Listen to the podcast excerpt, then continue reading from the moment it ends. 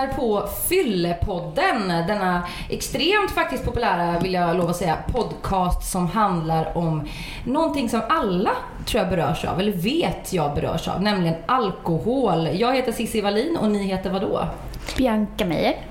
Höll jag på att sno din spot här. Anita Schulman. Det är IQ som vi gör den här podcasten tillsammans med. Gå in på iq.se och läs mer. Du kan testa dig om du dricker för mycket eller smart eller hur du nu ser på alkohol. På tal om att dricka smart och osmart eh, tjejer så tänker jag att vi ska prata om eh, alkohol och eh, rubriken har blivit dumheter. Mm. För det, där rymmer ju ganska mycket så här, saker man gör när man är full som man inte skulle ha gjort annars. Mestadels saker som kanske inte är lagliga. Sen kan man vara otrogen, det är ju inte olagligt men det är inte så bra. Men vi ska framförallt hålla oss inom den här lagkontexten idag. Har ni gjort någonting olagligt på fyllan någon gång? Ja, det har jag. Du Så- mörda någon eller vad? Nej, men jag har... eh, Jag skojar bara. eh, jag har ju, när jag var yngre använde jag sånt här eh, falsklägg. Vad är det? Urkundsförfalskning. Sen har jag ju brukat narkotika. Har jag gjort. Jag har säger full- brukat. jag, jag, Alltså, jag använder det. Det är bara för att det sitter en polis och lyssnar så känner jag att jag måste, måste ja, brukat. Du nämna har saker. knarkat helt ja, enkelt Precis. på fyllan. Ja. Eh, Och sen så har jag, jag tror kanske olaga hot, man kan dra till med det. Men oj. Ja, det tror Det jag. får vi gå in på mer sen. Anita, vad har, har du gjort något? Ja men gud, jag kan nog eh, signa upp på den där listan. Sen har jag väl, eh, jag vet i alla fall, det, alltså man blir lite smartare också ju äldre man blir. Eller man kanske Ja. blir lite räddare snarare. Förhoppningsvis. Eh, Men det sista dumma jag gjorde på fyllan som verkligen är jättedumt, det var att eh, jag en varm sommarkväll promenerade över bilar. Alltså längs med en gata som var parkerad. Och det var ju inte Jaha, så... högklackat. Ja men det Nej, är inte högklackat. klassisk eh, fyllegrej tror jag. Det är många som får, för att jag skulle aldrig tänka på det eh, nykter att jag skulle vilja göra Jag det. Men det känns som en idé jag- som, som fulla människor får. Att man, eh, att Man får en här göra briljant idé. Ja, nej, men det var ju så här, dagen efter kände man, men alltså hade någon gått på min bil, jag hade blivit helt vansinnig. Vad håller jag på med? Och sån sak skulle Hur man gammal var du då? Jag vill inte gå in på det. Det är, det är, lite, det är lite för genant, för jag är lite för gammal för att så här, legitimera det här. Ja, okej. Ehm, Fast då är det nästan lite härligt. Ja, om, du, om du var över 30 Eller tragiskt. men... Ja, men jag kan ta över här så slipper Ja. du känna så mycket skäms. Eh, jag, har gjort, jag, jag har knarkat också, det var länge sedan nu men, men det är ju inte lagligt. Eh, jag har eh, jag tror jag lappat till en kille en gång på käften för att han sa något drygt eller tafsade någonting. Men det var ganska så här, jag är inte så bra på att slåss, det- jag vet inte, är man det? Men jag, kanske är, är, är det ringa misshandel. Ja, det är vi Jag får fråga jag polisen sen som kommer in här. Men, en men alltså, jag skulle väl ge honom en örfil och så blev det lite hårdare så att han tror att det blev något brott där på näsan. Jag vet inte. Det var, det var flera år, jag var typ 20 och det var på någon festival och jag liksom sprang därifrån. Så jag vet inte hur det gick med honom. Om han lyssnar, förlåt. Det var lite hårt.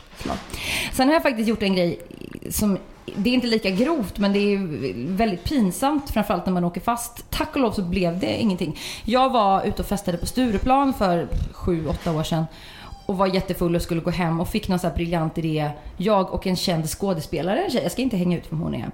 Vi fick för oss att vi skulle snatta choklad på 7-Eleven. Inte för att vi inte hade råd att köpa choklad, men det var så jävla lång kö och vi var så här, jag måste ha choklad. Så vi går in där på 7-Eleven och tar den här största 200 grams Marabou, typ schweizernöt eller något och så här jätteosmidigt. Så de ser ju de här killarna i kassan. Bara, vad gör ni liksom? Och vi försöker gå ut, men de är så snälla för vi har varit där så mycket, eller jag har varit där så mycket och handlat så de är så här, hade det inte varit du hade jag ringt polisen. Få tillbaka chokladkakan. Så man inför hela kön får stå där och säga, ja varsågod, förlåt. Det var ju förnedrande nog, men apropå poliser, vi kanske ska introducera Ja, det dagens ska vi göra. gäst. Annars så kommer vi säga för mycket här. Eh, han är författare, tv-profil, eh, krönikör, allt möjligt. Men framförallt är han ju känd som Sveriges kändaste polis, tror jag.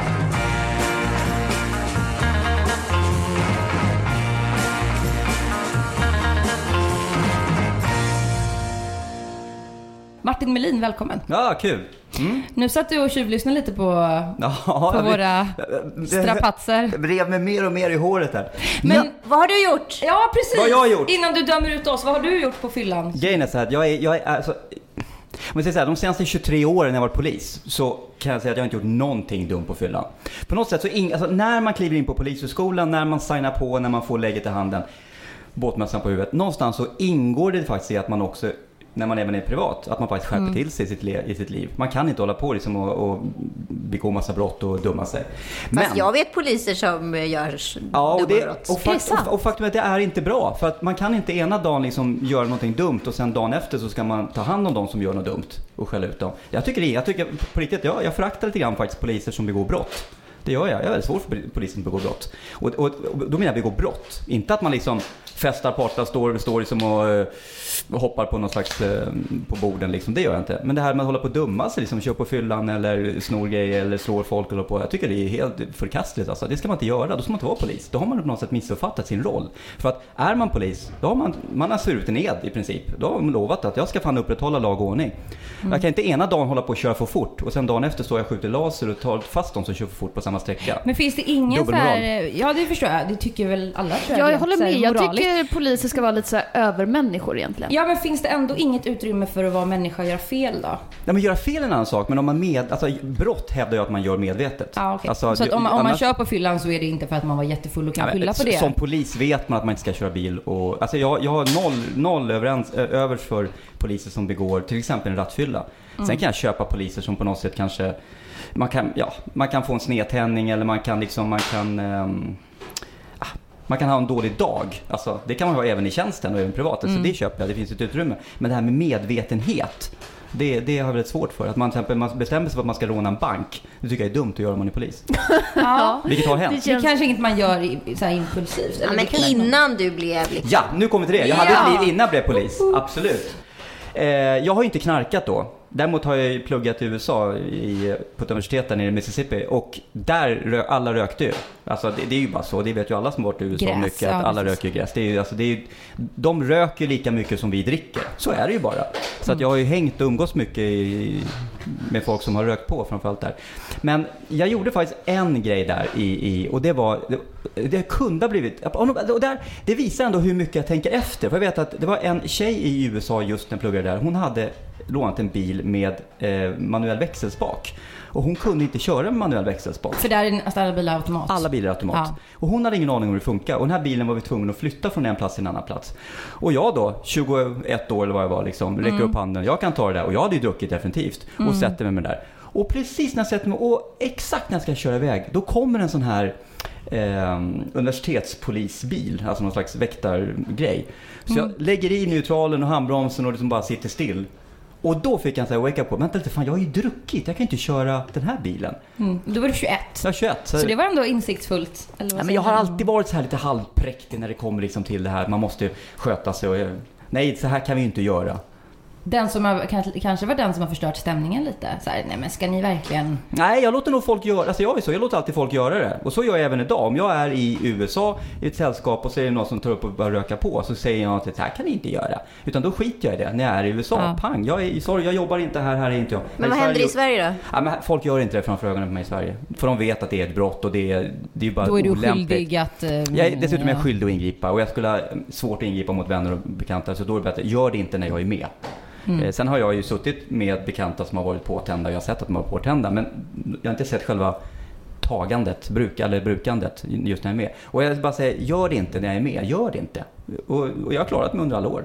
Så att, Om vi, jag tror alla som lyssnar, nästan alla kanske, eller vet någon i alla fall, som har gjort dumma saker på fyllan som också är olagliga och sådär. Man tycker det var dumt. Men om vi tar ett steg in i ditt yrke mer, Mm. seriösa, tyngre brottsligheten. Jag har hört Martin, du får gärna dementera eller bekräfta det här, att 9 av 10, alltså 90% av alla våldsbrott Mm. som sker är alkoholrelaterade. Stämmer det?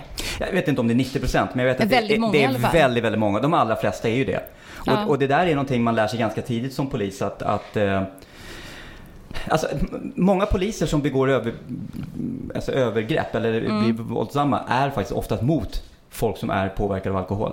Därför Mm. att det, folk som är påverkade av alkohol är väldigt provocerade. Provocerande. Alltså de, de, du kommer till en plats, någonstans när man blir polis så tror man att den här polisuniformen, när det står polis på bröstet, den, den är, det är en Stålmandräkt och eh, alla kommer göra som jag säger när jag har den på mig. Och Mm. så tror man de första tre passen. Sen så åker man på sitt första fyllebråk på någon krog i Stockholm. eller något- något annat. Ja, alltså det, det spelar ingen roll. Man säger åt att är du vänlig att bara gå ditåt nu en sekund? Varför det? Är det bara, snä- men snälla, kan du bara flytta lite grann? Ja, vad fan då då? Alltså det är så eh, ifrågasättande konstant och sen så går de på och så tar, de, tar du deras kompis och så kommer de och säger du ska inte röra min polare, ska jag släppa honom och så på. Alltså fylla, alkohol och till, till slut efter ett par år då lär man sig som polis att jag har i alla fall lärt mig att aldrig bli arg på en person som är påverkad av alkohol. Därför ofta så vet han inte vad han gör. Väldigt, väldigt ofta, de allra flesta fallen, så är de så otroligt ångersfulla dagen efter. Eller när, de, när man träffar på dem vid rättegångsscener eller något sånt. De är så ångerfulla alltså. Det, för de är så fulla, de vet inte vad de gör. De har ingen aning. De är helt wasted. Plus att när du får alkohol i kroppen så du kan ju få en slags eh, larger than life känsla Mm. och någon slags, eh, ja det här kan göra och göra vad du vill. Du tänker inte på vad du gör helt enkelt. Och det är extremt jobbigt att ha att göra med berusade människor. Och som polis som sagt, så ofta man möter det. Nästan Mm. alla de här krogslagsmålen så är det någon som har varit full. Mm. Det, det, det slår aldrig fel. Och så ofta någon som är berusad som kanske råkar spilla en öl på någon som då är nykter kanske men som blir sur. Och säger så här, vad gör du? Sluta spilla öl på mig. Mm. Men ja, fan känns, det inte så här sjukt resursslösande och blir man inte som polis jättetrött på alla de här fulla människorna? Jo, man är snortrött. Jag är oerhört glad att jag idag faktiskt inte har en tjänst där jag jobbar på Stureplan eller Medborgarplatsen i Stockholm. Det finns ju ute i mindre orter också. Där är alltså, ja, alla är fulla. Alla är bara fulla och odrägliga. Mm. Sen begår inte alla brott naturligtvis. Eller alla som är där är inte fulla och odrägliga. Men alla som man har att göra med som polis är ofta fulla och odrägliga. Men det är just våldsbrott eller som Mm. eh, alkohol leder till? Inte, inte brott i allmänhet eller? Nej, det är, det är väldigt sällan som folk som blir packade och sen så går de och, och snor någonting. Däremot så är det ju så här, det här klassiska vi är inne på det här att man kanske begår brott. Nej springa på bilar liksom i fyllan. Det är sån här, det är en sån, det är ett brott. Faktiskt, förstör ju de här bilarna. Eller du slår in en ruta och ska göra någonting. Ja men det är Men som- skadegörelse måste ja, ju vara skadegörelse man på för fyllan. man vill vara lite rolig. Precis, det ska vara lite kul här. Man, man sparkar Spela in. lite Allan Ballan. Precis, här, vi ja. sabbar den här busskuren för det är roligt. Vi Hur- slår, vi slår sönder den, det är skitroligt. Just det. Hur är det? det är mest killar som håller på med skadegörelse va? Ja, men Eller? jag tror nästan bara killar som gör det. Ja. Och Tjejer som då? hänger- ja, de Vad begår på. de för brott på fyllan? Vad gör tjejer? Faktum är att, nej men det, jag vet inte. Tjejer begår inte så mycket sådana här brott. Fast jag har sett mer, du har ju säkert bättre koll än vad jag har, men vad jag har sett rent personligen är eh, att tjejer slåss mer på fyllan. Ja, att det blir med- ja, men med tjejslagsmål. varandra, ja, med Jaha, varandra. så här catfight som Ja. man nu får säga så. Ja. Fast det är sällan det går över och blir så otroligt. Alltså det är ju sällan det är grovt. Det är mer kanske någon örfil och så. Örfil, dra i håret. Ja. Oftast står det skriker mer. Alltså det är mer, det är mer på en argumenta- arg- argumentationsnivå nästan. En kille, han sopar ju till rakt på höger och sen så ger han en spark i ansiktet och så hoppar han lite på magen för säkerhets skull. Ja, för säkerhets skull. Ja. Precis. Men det gör ju inte tjejer. Nu för tiden är inte jag ute fram till fem längre utan någon anledning för att ja, barn vaknar oavsett klockan sju på morgonen. Men eh, jag tänkte på det att mellan två och fem på morgonen på krogen, det är då det börjar slå över. Och det är den tiden som jag kommer ihåg i alla fall från förr i tiden att man börjar fyllebråka, att det är då konflikterna börjar tjafsa. Vad hade hänt tror du ifall krogen hade stängt två? Jag var ju med på den tiden när alla krogar stängde tre. Och vad som hände då var att eh, de allra flesta åkte hem och sov och så var det lugn och ro på stan. När man åkte som polis i polisbilen efter, ja, vid halv fyra på stan, då var det tomt. Det var öde. Men Alltså, tror du inte efterfesterna hade... Problemet var att på den tiden så kom det svart, svartklubbarna. Så i Stockholm fanns det då, nu snackar vi 90-talet i Stockholm, så fanns det en fyra, fem svartklubbar. Dit då de här som ville festa vidare mellan 3 och 5, 3 och 6 åkte.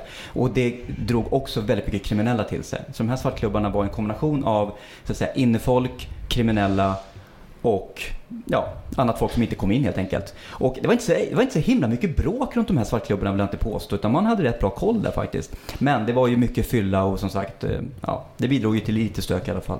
Men däremot så var det ju, förut när alla krogar stängde tre, när alla krogar stängde tre, då var det ju väldigt mycket folk som kom ut på gatan berusade klockan kvart 20 över tre, halv fyra. Och berusade människor på gatan, helt plötsligt står de där, vissa kan ta sig hem, de som inte kan ta sig hem, ja då blir det bråk. Så det är bättre egentligen att krogarna har uppe till, som i storstäderna i alla fall, till fem en del. Så buset, om man säger, håller sig Ja, jag- inne på krogen. Eller hur tänker du? Liksom? Nej, men man har ju fått bort svartklubbarna. Så att jag, jag, jag, jag, har inga siffror på liksom, hur, om brottsligheten har ökat eller minskat på något sätt. Men jag tycker personligen att det är mycket bättre att krogen är öppna till fem. Sen kan man ju diskutera vad det är för mening att vara ute och festa till klockan fem på morgonen. Jag brukar... Få, Jag får ångest och bara tänker, jag har jag- gjort det, men nu känner jag är så här 29 och bara vill gå hem och sova klockan Ja, men ett, alltså, två kanske. Men jag fattar, fattar de här grabbarna som raggar. De raggar, ska få ett ragg halv fem. Vad förväntar de sig ska hända när de kommer hem klockan fem på morgonen småfull med en tjej? Är det så här, woho, nu kör vi? Eller är det, Alltså av min erfarenhet är det Om, man, om man själv har dragit med någon hem så har jag liksom hunnit somna i taxin. Så han bara, hallå, ursäkta, ska du... Jag, fa- ja, men jag fattar inte det här. Total... eh, Ragg, ragg efter två, det är, ju, det är ju pinsamt. Ja. Men... ehm, Ja, men så det är alltså bättre, Ja. tycker du, som Jag- polis, att det är öppet till fem? För jag kan Ja. uppleva att, att alla dåliga beslut tas mellan två och fem. Och det är då också man kanske går vidare på den här efterfesten som man kanske i vanliga fall inte hade orkat med eller gjort. Mm. Eller är det tvärtom? Men, jag, nej, men jag, jag tror precis att, att jag tror det hade blivit mer tjafs, mer bråk. Jag tror svartklubbarna hade funnits kvar då och så hade det blivit mer tjafs. Men du pratar om efterfester. Om vi ska prata någonstans där det sker dumheter på fyllan så är det ju på de här efterfesterna. Nu pratar jag bara i Stockholm, för Stockholm för det är bara jag känner till. Med tjejer och även killar naturligtvis som följer med på efterfesterna där, där det plockas fram narkotika och där det helt plötsligt känns us. Där tjejerna ofta kanske känner sig tvingade att ställa upp på saker de inte annars hade gjort. Det var dit jag ville komma. Ja, för där, där, vi har ju de här våldtäkterna som inte anmäls bland annat. Det är ju på efterfesterna. Det är, jag vet inte hur många sådana jag har varit på där någon tjej har ringt och sagt att jag har vaknat upp eller jag har blivit våldtagen. Och så har åkt till den här lägenheten och där har det suttit fyra killar. Alltså det, det, är, ju- det är ju och faktiskt det är så svårt att jättevanligt. bevisa också. Ja, det är ord mot ord och det står ju alltid ord mot Ja. ord. Ville hon, ville hon inte. Var med på det, var hon inte med på det. Och det är som jag brukar säga så här, ja i 50% av fallen är det säkert så som hon säger. I 50% av fallen är det en ångestanmälan. Jag har varit med om det sånt också. Så det, där- det är oerhört svårt alltså. Och ska man då hellre fria än fälla som de säger? Eller hur ska man göra? Våldtäktslagstiftningen kan vi ha ett eget program om kanske. Men, Ja, den är svår. Den är ja, väldigt ibland svår. om domarna är fulla när de, när de eh, nämndemännen och så när de dömer. Men ehm, jag funderar på, kan man känna också som polis, som man säger polis inifrån sådär. Folk tycker det här är väldigt spännande. Det går ju väldigt mycket polisserier på TV, Mm. man får följa med så bakom kulisserna och så. Eh, Att, tycker, min fråga är, upplever du att folk ringer i onödan för att de är fulla och bråkar? Inte, inte slår varandra eller någonting, men bråkar och så vill de att polisen ska komma dit och lösa det här. Mm, det, jag tycker i och för sig inte att man, att man kan Så här, ringa- relationsbråk Ja. och, och sånt. Jag tycker inte att man kan ringa i onödan för jag tycker att har man, en, har man en minsta känsla att man vill ha hjälp av till exempel polisen då, då ska man be- kunna ringa polisen också. Men jag vet ju att det är alldeles för många som ringer polisen, framförallt på nödnumret 112 f- eh, och vill ha hjälp med att få ut någon gäst, kompis som har somnat i soffan och som inte vill gå därifrån. Det är väldigt vanligt. Eh, Just det här, ni måste hjälpa att få ut min kompis här. Men däremot de här när, när eh, frun ringer och säger att mannen är full och dum. Menar, man kan inte ringa, alltså där, man ska inte vänta med att ringa, man ska ringa direkt. För att även fast det inte betyder att vi tar honom därifrån och griper honom så kan det innebära att han kanske får en, oj då, vänta lite nu, jag kanske ska wake lugna ner mig. Ja, exakt. Mm. Så väldigt ofta när man åker på de här så kallade lägenhetsbråken så handlar det om att man faktiskt ska gå in och sätta sig ner i fem minuter och prata med den här mannen och tala om för honom att nu är du ganska berusad och jag förstår du är arg på henne av någon olika anledningar här men gå och lägg dig nu. Alltså, Det någon blir som som en så här patrullerande pappa typ. Ja men det är det det handlar om och det är så roligt när de här, man jobbar med de här poliserna som är 27-28 år som går in till den här 50-åriga mannen och lägger handen om och säger ja jag vet hur den här kärringen är jobbig liksom. Men det, men, men, det, men, det, men det handlar liksom om att gå in i en roll liksom. Ja, det, det och möta dem ja, på den nivån. Jag kan ju, som är då ändå 47, kan liksom gå in med en annan pondus kanske liksom och säga, jag, men, nej, men, det, men där återigen, där betyder ju polisuniformen väldigt mycket. För det är en polisuniform som kommer in där. Det är en myndighetsperson som kommer in och någon som faktiskt är nykter och klar och talar om för den här mannen att lugn och ro nu. Just För att där, där, om vi pratar problem med alkoholen, där har vi ju problem alltså hemma de här. Och det handlar om, ofta om män som faktiskt har dåligt ölsinne. Det är det det handlar om. De blir fulla och dumma. Dumma de dricker. Väldigt många människor kan ju dricka ganska mycket och ofta blir glada eller så blir de trötta. Men sen har vi de här som har dåligt ölsinne. Just det, våld i hemmet är ju vanligt hemmet, ja. kopplat till alkohol. Jag tänker, vad är det konstigaste som har hänt dig i jobbet kopplat till eh, alkohol, Alkohol. när du har fått rycka ut? Jag har, jag har faktiskt en, en grej som var ganska sjuk. Det var här på Söder. Det var apropå det här vad alkohol kan göra. Larmet som kom var så att na, naken man som står i en port, en trappuppgång. Okej, vi åker dit och tänker väl lite grann att han kommer inte vara kvar när vi kommer dit. Vilket man ofta tycker, eller tror när man får sådana här jobb. Men vi kommer dit och det är mycket riktigt, det står en naken man i trappen. Vi kliver ut, vi går in och pratar med honom och säger så här, vad, jag frågar honom liksom, vad, vad, hur kommer det sig att du står här naken? Och han bara tittar på mig och bara, ja, tala om det för mig du. Härlig Intressant sätt att vända på Ja, eller hur? retoriken. Han var verkligen så här, ja, tala om för mig. Och jag tittade och jag tänkte så här, ja, jag är ledsen så jag vet inte, du, du, vet du var du är någonstans? Inte en aning sen. Nej, så här, bor du i det här huset? Nej, säger han. Och han, alltså han står nästan och bara förväntar sig att lösa situationen Var här, han polis. jättefull eller var Nej, men han märkte att han var berusad. Liksom. Ah. Men, men han var full, men inte, inte plakaten full. Och jag bara tänkte så här, ja, jaha, men och så började jag fråga lite grann, vad gjorde du igår kväll och sådär. Då hade han varit ute på krogen och han träffat någon tjej då, Eva hette hon så här. Det var ungefär det han visste. Uh, ja, lång, det är jätte, för, för att korta ner historien så, jag, jag, kom, jag gick upp ett par trappor och, där hissen stod och det var på tredje, tra- tredje våningen tror jag. Och eh, där hittade jag någon som stod E. Svensson typ på dörren. Och så kollade jag in då och där fanns det då bara hängde i kläder och någon, det låg någon sån här cowboyboots minns jag, som någon skinnjacka och så. Och det var de kläder, sådana kläder som man hade haft på sig dagen innan då. Så, att, eh, och jag, så jag ringde på dörren, det var ingen som öppnade. Jag ropar, ingen som öppnar. Men så öppnade jag dörren och då var den olåst och så gick jag in och så hittade jag då hans plånbok i den här jackan. Så det var ju där hans. Så att jag gick ner med honom, fick upp honom då. Det låg en tjej och sov där inne. Eh, men då visade det sig att han hade alltså då, han hade alltså följt med en tjej hem, han var duktig på fyllan. Jag kan säga att det låg ju vinflaskor i den här lägenheten så man hade suttit hemma och partat ganska mycket också. Ja. De hade blivit alldeles förpackade, somnat naturligtvis. Han hade vaknat i sömnen, klivit ut, gått ner för trapporna, vaknat till och naturligtvis bara, vad fan är jag? Så han hade gått i sömnen naken helt, Helt näck stod han där. Det är ju ganska jobbigt att stå och upptäcka det. Ja, och då var det någon som hade ringt och någon granne eller jag, jag, jag vet faktiskt inte hur det gick till där. Det här är ju 15 år sedan. Men det var Okej. säkert något tidningsbud någonting. Men jag måste bara återkomma till ett ord som du använde förut. Eh, jätterolig historia förresten. Eh, Verkligen konstigt. det här med dåligt ölsinne, det är ju en ganska fin omskrivning på någonting och då blir det också lite ursäktande. Eh, kan man kalla att Mattias Flink, eh, den berömde fänriken kanske man ska säga, hade dåligt ölsinne när han eh, mejade ner åtta lottor. Ja, men det var väl det- Otroligt det- dåligt alltså. Ja, nej men det var väl det de sa. Precis. Dåligt- Snedfylla. Ja men dåligt ölsinne, är- det är, väl, det är väl någonting kemiskt i hjärnan. Att vissa människor när de får alkohol i sig så händer det saker som gör att de helt enkelt blir dumma i huvudet och Vi ska jävligt säga det är ingen som är aggressiva. full här. Det är eh, Martins femåriga son Charlie. Hej Charlie som är med och är med här lite. Jaha. Så att det är inget fyllo som hojtar i bakgrunden. Ja, Han ligger och borrar lite med någon Nej men det är Nej, bra men att jag- du säger det Anita, Ja. för det kan ju just eh, uppfattas sådär som, som ursäktande. När, Ja, när dåligt folk... öl, I min värld är dåligt ölsinne det är ju alltså någonting väldigt negativt och en förklaring till varför vissa människor begår våldsbrott till exempel.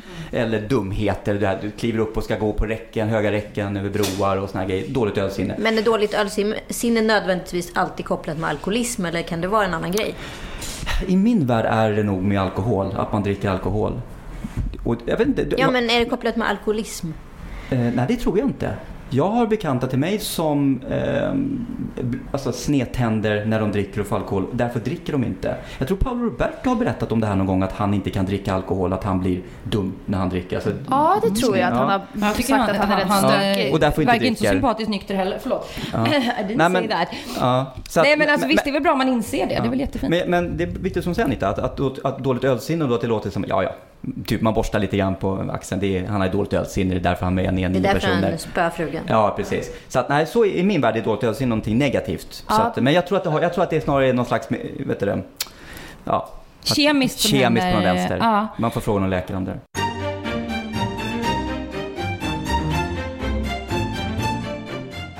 Visste du att en sammanvägd analys av ett flertal europeiska studier om alkoholkostnader gjord 2006 genererade uppskattningen att alkoholens samhälleliga kostnader kunde sägas utgöra omkring 1,3 procent av ett lands BNP. Och tillämpar man den här skattningen på svenska förhållanden så skulle det ge en samhällskostnad på cirka 45 miljarder kronor för 2012.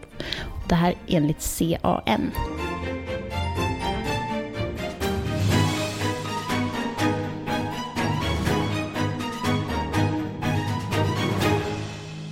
Men, men som polis, för det, det blir ju, nu har jag sett på TV då, såna här cops i USA, eller det finns även en massa svenska serier nu, 112 om man följer med sig. Där verkar det som att polisen också mycket får bli någon slags terapeut och eh, att folk är väldigt, om de är fulla då och har gjort någonting, så ska de gråta ut hos polisen och polisen måste nästan på något sätt fråga jag vet inte om de bara gör det i TV för det ska se fint ut, men så här, hur mår du egentligen? Behöver du prata med någon? Alltså, är, ingår det i ert jobb att vara någon slags terapeuter också? Ifall någon är skitfull och har gjort något dumt?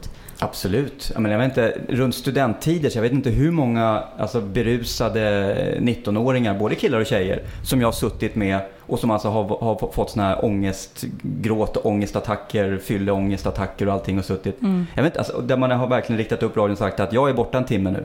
Och så har man suttit en timme med den här personen och pratat. fint. Sitta, ja. Och det, man, ja herregud, man har ju suttit du vet, hållit dem när man har spytt och, det, och hjälpt till och det här. Och, och de vill inte åka hem, de har ju ångest ofta för sina föräldrar och det här och allting. Det, herregud, man är ju en extra pappa. Det är jättevanligt som polis. Det är ju nästan 50% av jobbet att vara en terapeut. Oavsett om det gäller mot alkohol eller folk som har råkat illa ut eller folk som varit med om en trafikolycka eller vad det handlar om. Sitta och hålla handen, trösta, bada panna. Det gör vi jättemycket poliser. Hur full får man vara innan polisen rycker in? Ja, det är en bra fråga. Eh, Bianca tänkte fråga nu inför helgen. Ja, exakt. Hur mycket kan dricka? Nej men, nej men faktum är, det, det finns någonting som heter LOB, nämligen lagen om omhändertagande av berusade person. Det vill säga när polisen får omhänderta en person som har druckit alkohol. Till fyllecell då? Ja, till fyllecell eller Ja. upp till en tillnyktringsenhet. Eller köra hem. Det finns olika. Att vi inte kör hem ofta handlar om att om personen skulle då spy och sen dö av det. Att polisen har kört hem så är det ju polisen som åker dit på det. Så därför gör vi inte det. Utan vi lämnar aldrig över en person som är berusad åt sig själv så att säga. Utan vi ser till att det finns någon som kan ta hand om den. Antingen då en fyllecell där, där det finns en arrestantvakt som kan kolla till var tionde minut. Eller till en tillnyktringsenhet där det finns då undersköterskor och sköterskor som tar hand om personen. Men enligt den här lagen då så är, heter det så att man, man, man får inte vara så pass berusad att man är en fara för sig själv eller andra. Och det innebär att om du vinglar ute på E4 och går, eller på motorvägen fram och tillbaka, då är du en fara för dig själv, men också för andra som kanske måste väja undan och smälla med bilarna och så. Men sen kan det vara så här att i min värld så är det så att en berusad 20-årig tjej som sitter på en busshållplats och sover med sin klänning. I min värld är hon en fara för sig själv. Därför det kan komma några och faktiskt ta henne, stoppa in henne i en bil och sen åka därifrån. Jag har varit med om det förut faktiskt. På en buss där vi fick, satt en berusad tjej på en buss och busschauffören larmar och sa att det var någonting skumt för det sitter en man med den här unga tjejen. Det, Men gud vad obehagligt. Mm, och vi kommer dit och vi kliver på den här bussen och där sitter en tjej som är då 18-19 år, jättefull. Och det sitter en man bredvid som är 55-årsåldern. Eh, och jag går fram och så, så, så tilltalar jag mannen och säger så här, känner du den här tjejen då? Så här, ja, det är min dotter, jag tar hand om henne. Jaha, så jag, så okej. Eh, och så försöker jag få kontakt med den här tjejen men hon är helt wasted, hon är helt borta. Så att, eh, då sa jag så här, har du någon legitimation bara på dig? Så att han bara, nej jag har ingen legitimation med mig. Ehm, och så börjar jag kolla hennes väska och hitta legitimation hos henne. Så vad jag gör då att eh, vi vi tar ut de här bägge två i bussen naturligtvis. Och sen så börjar jag eh, kolla upp den här tjejen via datorn och få fram då vad hennes mamma och pappa heter. Konstaterar för det första att hennes pappa är, är yngre faktiskt än vad den här mannen ser ut att vara. Så att jag har ju namnet då, så jag frågar honom vad han heter. Och då blev det ju väldigt jobbigt för honom helt plötsligt. Och det visade sig att det var ju inte pappa naturligtvis. Utan det här var ju någon som försökte få med henne hem. Så vad vi gör... Ja, det- då, då blir han gripen Problem, problemet, är det, är det att, olagligt? problemet är att det är inget brott. Han har inte gjort något brott. Han har, gud, för han hade ju förmodligen Ja, alltså, ja, ja. med Han största tänkte- sannolikhet våldtagit henne. Han så var det, på väg det är ju hem. självklart. Vad vi gör är att vi skrev naturligtvis på det här. Vi skrev, jag kommer faktiskt inte ihåg vad vi skrev, men vi dokumenterade naturligtvis det här och identifierade honom. Vi släppte ju inte iväg honom. Vi identifierade ju honom och allt det här. Och sen så körde vi hem den här eh, flickan hem till sina, sina föräldrar. Ehm, ja, det var ungefär så det var. Så att, ja, men Så det- att ni förebyggde egentligen brott för honom och för henne? Eller? Ja, så, ja, man kan ju, ja, precis. Vi hjälp, hjälpte ju henne och hindrade att han gjorde brott. Ja. Vilken tur för henne alltså att ni kom. Mm, det, det hoppas man. Och när fyllecell då, när hamnar man där? Det, där kan du hamna. För, of- det, det är ju, för det första ska du vara för berusad. Det var LOB. Du ska vara för berusad. Du ska vara för Mm. Och det är det här vingelstadiet vi pratar om. Var, var det det Ja, som helt var... enkelt, nej, Eller hur man- avgör man sådär exakt som polis? Får man göra något test då när man är full? Gå på Nej. en sån här... På I USA får man eller? ju gå på en linje Ja. och hålla på. Många som har blivit omhändertagna för fylla brukar ibland gråta ut ibland efteråt i pressen och säga så här att nej jag var inte full och jag krävde att jag skulle få blåsa men det fick jag inte göra. Redan att de har hamnat där på polisstationen är ju tecken på att de var för berusade. Men ofta är det så att fyllecell hamnar du i när du är för berusad och när du inte är vårdmotiverad. För att vara berusad är, det är en vårdlag, det här LOB, lagen om omhändertagande av berusad person. Det är en vårdlag. Vi ska alltså hjälpa personen och sen ska den personen vårdas på en tillnyktringsenhet tills personen blir nykter. Men är det så att du inte är vårdmotiverad, du vill inte. Våldsam eller... Ja, våldsam och ja, aggressiv och våldsam. Då hamnar du i fyllecellen. Jaha, så det är bara om man har bråkat Ja. alltså på fyllan? Så kommer polisen och tar dig, du är alldeles för full, du får följa med oss. Då säger du så här, jag vill ha vård. Bara, Det säger man ju ofta. Ja, då- att man inte håller på och protesterar Ja, och börjar slåss precis. och så. Nej. då hamnar du uppe på en, på en eh, grön madrass uppe på en tillnyktringsenhet. Är det, mm, vad heter det, är det brottsligt att hamna i fyllecell? Får man någon prick för det? Kommer det synas i ens register Mm. Det- sen eller? Då ska jag, ett jag ska inte ge tips, jag ska kanske inte göra som polis. Men, men, men det är nämligen så här att det är inget brott. Men, och det är inte heller något ID-krav på det, det vill säga vi poliser måste inte, måste inte identifiera personer vi omhändertar för fylla. Men om personen har en legitimation med sig, då skriver vi upp de uppgifterna och sen går det vidare till eh, ja, någon instans, en myndighet någonstans. Bland annat vet jag att eh, de som, heter det, med körkortet där vet jag att det, det kan påverka lite grann. Om man har för mycket sådana här fyllon så kan, eller omhändertaganden så kan faktiskt körkortet ryka. Så att, eh, ja, men, men om man inte har någon lägg med sig eller någonting, då hamnar man inte i något register ingenstans. Man får ligga 4, 5, 6 timmar i en fyllecell och sen så får man gå därifrån hem med en påse med sina tillhörigheter i. Walk of shame kan man säga. Ja, det är På walk vä- väldigt mycket walk of jag kan shame. säga det är walk of shame big time, alltså att, att kliva ut klockan 10 från fyllecellen på en polisstation. Det, Så här, komma hem till sin sambo. Älskling, var du varit i natt? Äh, jag sov hos Kalle. Det, Det där är sent." faktiskt ofta, för det är ofta som folk ringer, och där är också så här problem med, med sekretess och såna här saker. För det är ofta som folk ringer och säger att min man har inte kommit hem i natt, var är han? Och så tror de att han har varit otrogen eller någonting. Ja, gud. Ja, och sen så kommer han, "Nej, jag har varit och, se-" och så kommer han ju hem som han ser ut och legat i en fyllecell, han ser ju nyknullad ut. Och så kommer han hem och sen så, vet, "Nej, jag har varit på fyllecell, jaha, känna säger hon och så vill han ha intyg på att han har varit där. Alltså det, Det är vanligt, det händer. det har hänt ja. Får man intyg då? då? Eh, han får ju ett, ett kvitto på att han har varit där så det, det, han kan ju visa upp ett sånt. Det bra, då kanske finns att man kan svart, luras. svart marknad av folk som faktiskt är otrogna som så här fejkar här fyllecellintyg. Annars bra idé. Säljs. Kanske att vi kan bransch. Men jag tänkte på en sak. Eh, I en gammal relation så höll jag på att sms-bråka jättemycket med en eh, pojkvän eller dejt. Eh, Är det olagligt? Hur menar du? Bråka på Ja, sms? men nej, nej, inte att jag bråkar, men det, det, man kan ju skriva ganska elaka saker Mm. Om du på gör- fyllen. Ja. Ja. Eh, du sådär en gång till så kommer jag fan slå dig. Ja, kanske inte just... är, men ja, det, det, är, faktiskt bro- ett brott. Det är, det är ett olaga hot. Ja. Men eh, ja, det är ett olaga hot. Men han ska ju känna fruktan också så här och... Alltså, det ska mycket Men om den det andra personen också har skrivit något liknande, blir- läggs det, kan... Vid oavgjort menar du? Ja, vad händer då? Då blir det tyvärr, tyvärr ska jag säga, men då blir det ju två anmälningar. Det är ungefär som man kommer, jag kan säga, det är vanligt, vi pratade om fyllebråk tidigare på krogen. Det vanligaste som polis är att man kommer till en plats, då är det så att berusad A har slagit berusad B. Och sen är det berusad C, D, E, F som är vittnen till det här. Och då ska jag som polis försöka sålla ut vad som har hänt här. Vilket ofta slutar med att berusad A anmäler berusad B och berusad B anmäler berusad A. Och så åker jag in till polisstationen och så sitter jag tre och en halv timme och skriver massa anmälningar och sådana saker. Sen när de här nyktrar till och allting, när, när någon, någon utredare ringer någon ett halvår senare, då säger de så här, "Jaha, nej jag har ingen aning om vad som hände där, jag skiter i det där. Säger A och sen säger B samma sak och så läggs det ner. Så är det vanligaste. Och det är ju förmodligen samma sak här också. Om det är två stycken som har fyllebråkat med, på sms med varandra eller hållit på och skickat massa saker. Så tror, och så ena anmäler, ja då anmäler jag också säger den andra. Och så kommer det förmodligen leda till att åklagaren ringer upp och säger så här, snälla ni, vad håller ni på med? Är det här verkligen någonting ni känner? Men det, det kan jag känna så här, okej det här på en mikronivå, men när man är full och tappar omdömet som många gör på olika nivåer. Så har man gjort grejer som man i efterhand tänker så här, shit jag hade kunnat bli anmäld för det där. Att man är så... Nej men jag kom på en grej som, som jag tror många har gjort när jag var typ 21. Så var jag skitkär i en kille som bodde i Hornstull och vi hade dejtat lite men han tyckte väl att jag var lite för flippad för hans smak. Eh, vilket jag kan förstå så här i efterhand. Men då fick jag för mig att jag ska hem till honom ikväll. Han vill ha mig. Så jag stod utanför hans port och så ringde på porttelefonen i typ en timme och bara... Ja, vi säger att den heter, Grät vi säger att den heter Jonas. Det heter han inte. Jag bara Jonas, släpp in mig! Alltså stalking. Kan man bli anmäld Ja, för är det ett sånt? brott eller? Det Jag vet det är. Nej men alltså, nej, men det, det kan bli någon slags ofredan om du står och håller på och ringer på telefon hela natten så här. Och då, då måste det ju ett angiveribrott så, så han måste ju ange det då till Ja, han åtal. gjorde inte det. Tack. Nej, såklart. Tack Jonas, inom citationstecken. Men, men min poäng med den historien är att eh, vi är ju så på något sätt... Hur ska man förebygga? Okej, det här är ju en, en larvig grej man kan skratta Mm. åt. Men just folk som har då, som vi pratade om, dåligt ölsinne. Eller hur kan man... Hur kan man förebygga att folk gör sånt här på fyllan?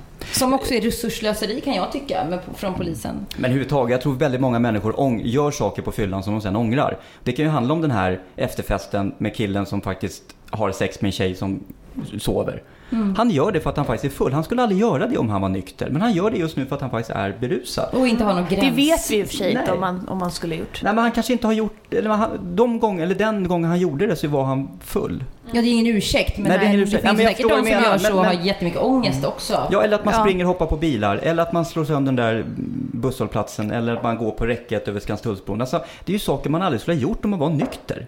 Det är ju så. Jag tror inte det. Men sen, och sen, och sen, man, och sen tror inte jag att man vet hur man beter sig när man är full. För går man till sig själv, om jag går till mitt liv innan jag blev polis. Det är klart som sjutton att man var Fast jag var inte så ofta full, men det är klart jag varit full också. Man har gjort saker där man känner att det här skulle jag aldrig göra om jag var nykter. Dansa. Men har du något så här, har du något så här råd till unga tjejer? För jag kände, alltså nu när jag tittar på mitt liv i retrospektiv, alltså jag levde ganska farligt när jag var runt 20. och var liksom så här, jag är ett med världen, jag är unstoppable. Alltså att man är lite så här hög på sig själv, känner sig kaxig, känner sig självsäker på alla sätt och vis. Men inte har någon typ av, eh, vad ska man säga, medvetenhet om vilken fara man lever i. Eh, Tänker vad- du så här, gå hem full Nej men gå hem själv full eller bråka med killen och springa ut och helt plötsligt... Ta väldigt mycket risker. Ja, man tar väldigt mycket risker. Vad ska man som ung tjej tänka på? Vad är de vanligaste farorna? Som... Eller killar också. Ja. Ki- Killar blir ju oftare slagna på käften på fyllan. Ja, killar, handlar ju nästan, killar blir ofta mest provocerade och, och, och ska svara på någon vänster, alltså i krogkön eller i korvkön eller vad det är. Eh, men som kille, jag vet inte, jag går bara till mig själv. Jag är ändå uppväxt i innerstan i Stockholm och jag har varit ute väldigt mycket i svängen och allting och jag har aldrig varit med om någonting. Jag har aldrig råkat illa ut någonting. Så jag tror det handlar lite om vad man är för typ av människa. Blir man provocerad av att någon stöter till med axeln mot en och vänder sig om och säger fan gör du? Ja då hamnar man i slagsmål. Är man som jag då, att någon stöter till axeln, man bara går vidare. Då händer ingenting. Så jag tror att man ska inte vara så jäkla lättprovocerad som, som, som kille. Men som tjej då? Hur ska man, för det läggs ju mycket skuld på tjejen att det var ditt fel att du råkade ut för det här. Ja det där är ju åt helvete det här med klädsel och hur man beteende och allting. Det är det ju inte. Vad fan, som tjej får man väl klä sig hur man vill och man vill man vara utmanande i sitt sätt får man väl vara det också. Det, det, det, det blir jag förbannad när jag hör. Men jag tror att som tjej så ska man nog vara tips om att man ska aldrig vara själv.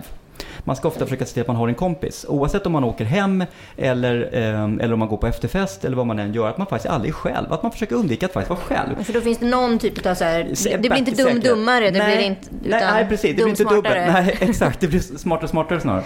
Nej, men jag tror att då har man någon som ändå kan liksom kanske bromsa åt den eller kan hjälpa till och så här. För jag vet ju till exempel folk, jag vet ju tjejer som till exempel har blivit drogade på krogen. Och så har de fått hjälp av sin kompis hoppa in i en taxi. Och naturligtvis så eh, hakar den killen på också i taxin som har drogat. Så säger de, jag tar hand och hjälper det här liksom så här. Och då menar jag att nej, det ska man inte göra. Då ska man som tjejkompis säga, nej, jag åker med. Och det är jag som åker med. Jag tar hand om henne. Jag ser till att hon kommer hem. Inte du, Pelle. Mm. För att jag tror att det är du som har gjort det.